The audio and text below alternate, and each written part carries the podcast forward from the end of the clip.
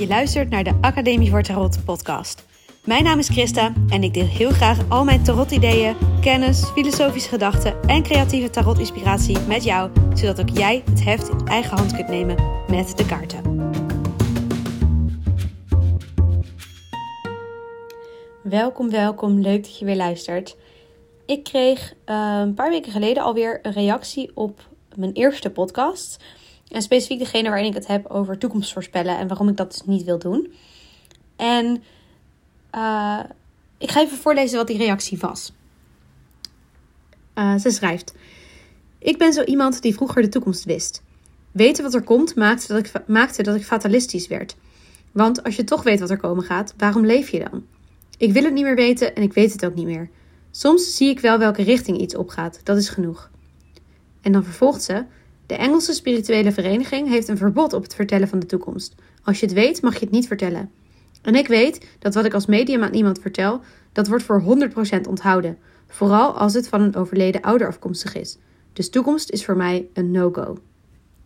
En ik vond dit super interessant om te lezen, want ik wist eigenlijk niet dat in uh, de wereld van het mediumschap ook zoiets is als, hè, het is eigenlijk een soort ethische code die zij zegt van, je vertelt niet iemand de toekomst, want ja, het wordt 100% onthouden en daar kan iemand alleen maar last van hebben. Dus zelfs als je het weet, zelfs als je paranormale gaven hebt en de toekomst kunt zien, dan nog wil dat niet zeggen dat je de toekomst ook wil weten of moet zeggen hardop of zo.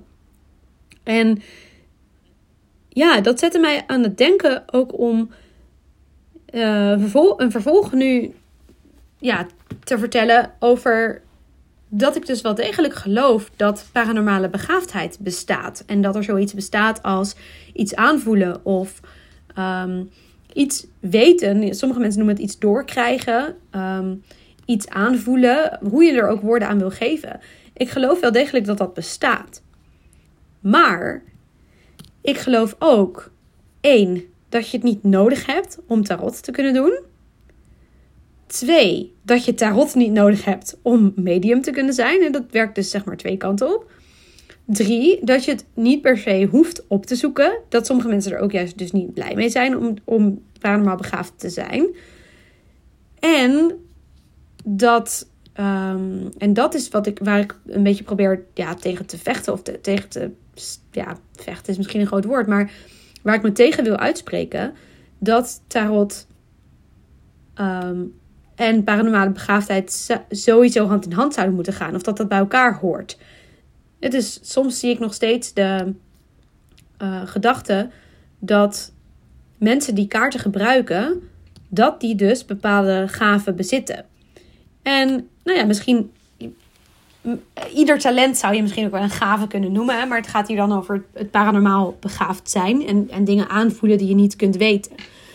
En nou, ik heb ook best wel eens momenten gehad dat ik een kaart interpreteerde en dat iemand dan zei: Wow, hoe weet je dat? En dat ik dan zei: Dat weet ik niet. Ik, ik vraag alleen maar of het zo is, want op basis van deze kaart leek het mij logisch. En, en voor mij is dat niet een ervaring dat ik dan paranormaal begaafd zou zijn of zo. En, en misschien dat een ander wel tegen mij zou zeggen: Jawel, dat heb je wel, want dat is wat dit is. Dus het is ook maar net hoe je uh, ja, aankijkt tegen dat soort dingen. Maar voor mij althans het voelt voor mij niet als iets doorkrijgen of zo. En voor andere mensen voelt dat wel zo. Ik weet ook dat er mensen zijn die ehm, bijvoorbeeld het gevoel hebben dat er een, een gids is, een, een spirituele entiteit die hen helpt of die hen boodschappen doorgeeft. En dat is een heel andere wereld dan de wereld van de mensen die dat niet. Ja, het is een heel andere wereld. Ja, dat is misschien flauw om te zeggen, maar ja, het is gewoon iets anders dan aan tafel gaan zitten, kaarten trekken en over die kaarten praten. Maar het kan denk ik naast elkaar bestaan. En wat ik doe is voornamelijk dat tweede. Aan tafel gaan zitten, de kaarten op tafel en erover praten. En, en verder niet daar meer achter zoeken. Verder niet zeggen, dit, dit, komt, dit is een boodschap van hier of daar. En dat is het misschien ook helemaal niet. En als je dat wel denkt, dan moet je er heel veel, denk ik, mits en maren bij uh, ja, nemen. Um, hoe, hoe, geef ik hier goed woorden aan? Ik, merk dat ik ietsjes lastiger uit mijn woorden kom dit keer. Um, nou ja, dat je je bewust moet zijn van de grenzen. Ik heb het daar al wel vaker over gehad. Hè, dat je je bewust moet zijn van wat je bij een ander teweeg brengt door dingen hardop te zeggen of door iets te interpreteren. Maar dat wil niet zeggen dat ik niet geloof dat het bestaat. Weet je, ik geloof best wel dat paranormale begaafdheid bestaat. En dat er mensen zijn die medium zijn. Of die met misschien wel overledenen in contact kunnen komen. Of misschien wel met het restant van een overledene. Eh, de, uh, abstracte gedachtenwereld of zo. Die misschien wel achterblijft. Los van of die overledene nog steeds iets kan willen of actief iets kan doen. Dat is ook. Nou ja, goed. Dan, dan is weer een ander zijspoor. Het grijpt allemaal een beetje in elkaar. Uh, wat ik vooral nu wilde benoemen is dat ik dus wel degelijk geloof dat dat bestaat. Ik kan mensen met een paranormale begaafdheid niet helpen om daarmee om te gaan. Ik kan wel mensen leren hoe je vanuit de kaarten kunt communiceren en hoe je kunt coachen met de kaarten. Waarbij je dus juist de ander in zijn kracht zet. Waarbij je juist de ander het heft in eigen hand laat nemen. Dus dat is heel erg wat ik ook aan mijn cursisten wil meegeven. Die dus kaarten leggen voor anderen is hè, hoe doe je dat nou op zo'n manier dat jij niet de autoriteit bent naar wie ze gaan luisteren of aan, aan wie ze de schuld kunnen geven als het straks anders loopt dan ze op basis van wat je vertelt, ehm, wat ze dan gaan denken. Ehm, dus ik kan wel degelijk op dat communicatiestuk iemand helpen, maar op het vlak omgaan met je gaven, nou, dat is, ja, ik heb die dus niet. Dat soort, tenminste, ja, nee, ik heb niet het gevoel dat ik boodschappen doorkrijg of zo. En ik, uh, ik heb wel eens een intuïtieve ingeving, maar dat is volgens mij echt wel iets heel anders. En daar kun je, kunnen we over discussiëren. Maar en, en iedereen heeft denk ik wel eens zo'n ingeving. En soms ben je dan, heb je dan ineens een hele rake opmerking. Ja, dat kan. Um, en dat is iets moois. En dat mag je koesteren. Maar je hebt het niet nodig om met tarot te werken. En ik denk dat een deel van het onbegrip rondom tarot wel heel erg komt vanuit. Dus dat, dat beeld van een medium uh, die de kaarten gebruikt voor bijvoorbeeld contact met overledenen of zo. En ja, daar wordt het ook voor gebruikt. En dat, ja, dat is zo. En dat is niet mijn wereld. En dat is dus soms lastig omdat we dus wel hetzelfde middel gebruiken. We gebruiken wel dezelfde kaarten. En daardoor ontstaat er wel eens onbegrip bij mensen over wat die kaarten nou precies zijn en doen. En nou, ik vind dat nog steeds wel eens lastig. En ik vind het ook nog wel eens lastig als ik cursisten tref die dus wel anders erin staan dan ik. Ehm, ja, want ik wil ze ook niet mijn visie opleggen of zo. Maar er is dan wel een grens aan, aan hoe ver ik ze kan brengen. Want, uh, of nee, dat, is, dat zeg ik verkeerd. Um, ik denk dat ik, dat ik mensen heel ver kan brengen, maar meer er is een grens aan waar ik je heen kan brengen. Want ik kan je niet helpen met leren ehm, bijvoorbeeld het onderscheid te maken tussen wat is nou echt een boodschap die ik doorkrijg en wat is niet een boodschap die ik doorkrijg. Weet je, dat onderscheid kan ik je niet leren maken, want ik heb daar geen ervaring mee. Ik kan je wel leren hoe je uh, op basis van de kaarten tot inzichten komt en hoe je als je een andere ingeving krijgt die daarnaast staat, of er bovenop komt, of hoe je het ook wil zeggen, hoe je daarover het gesprek kunt voeren met mensen voor wie je dat doet.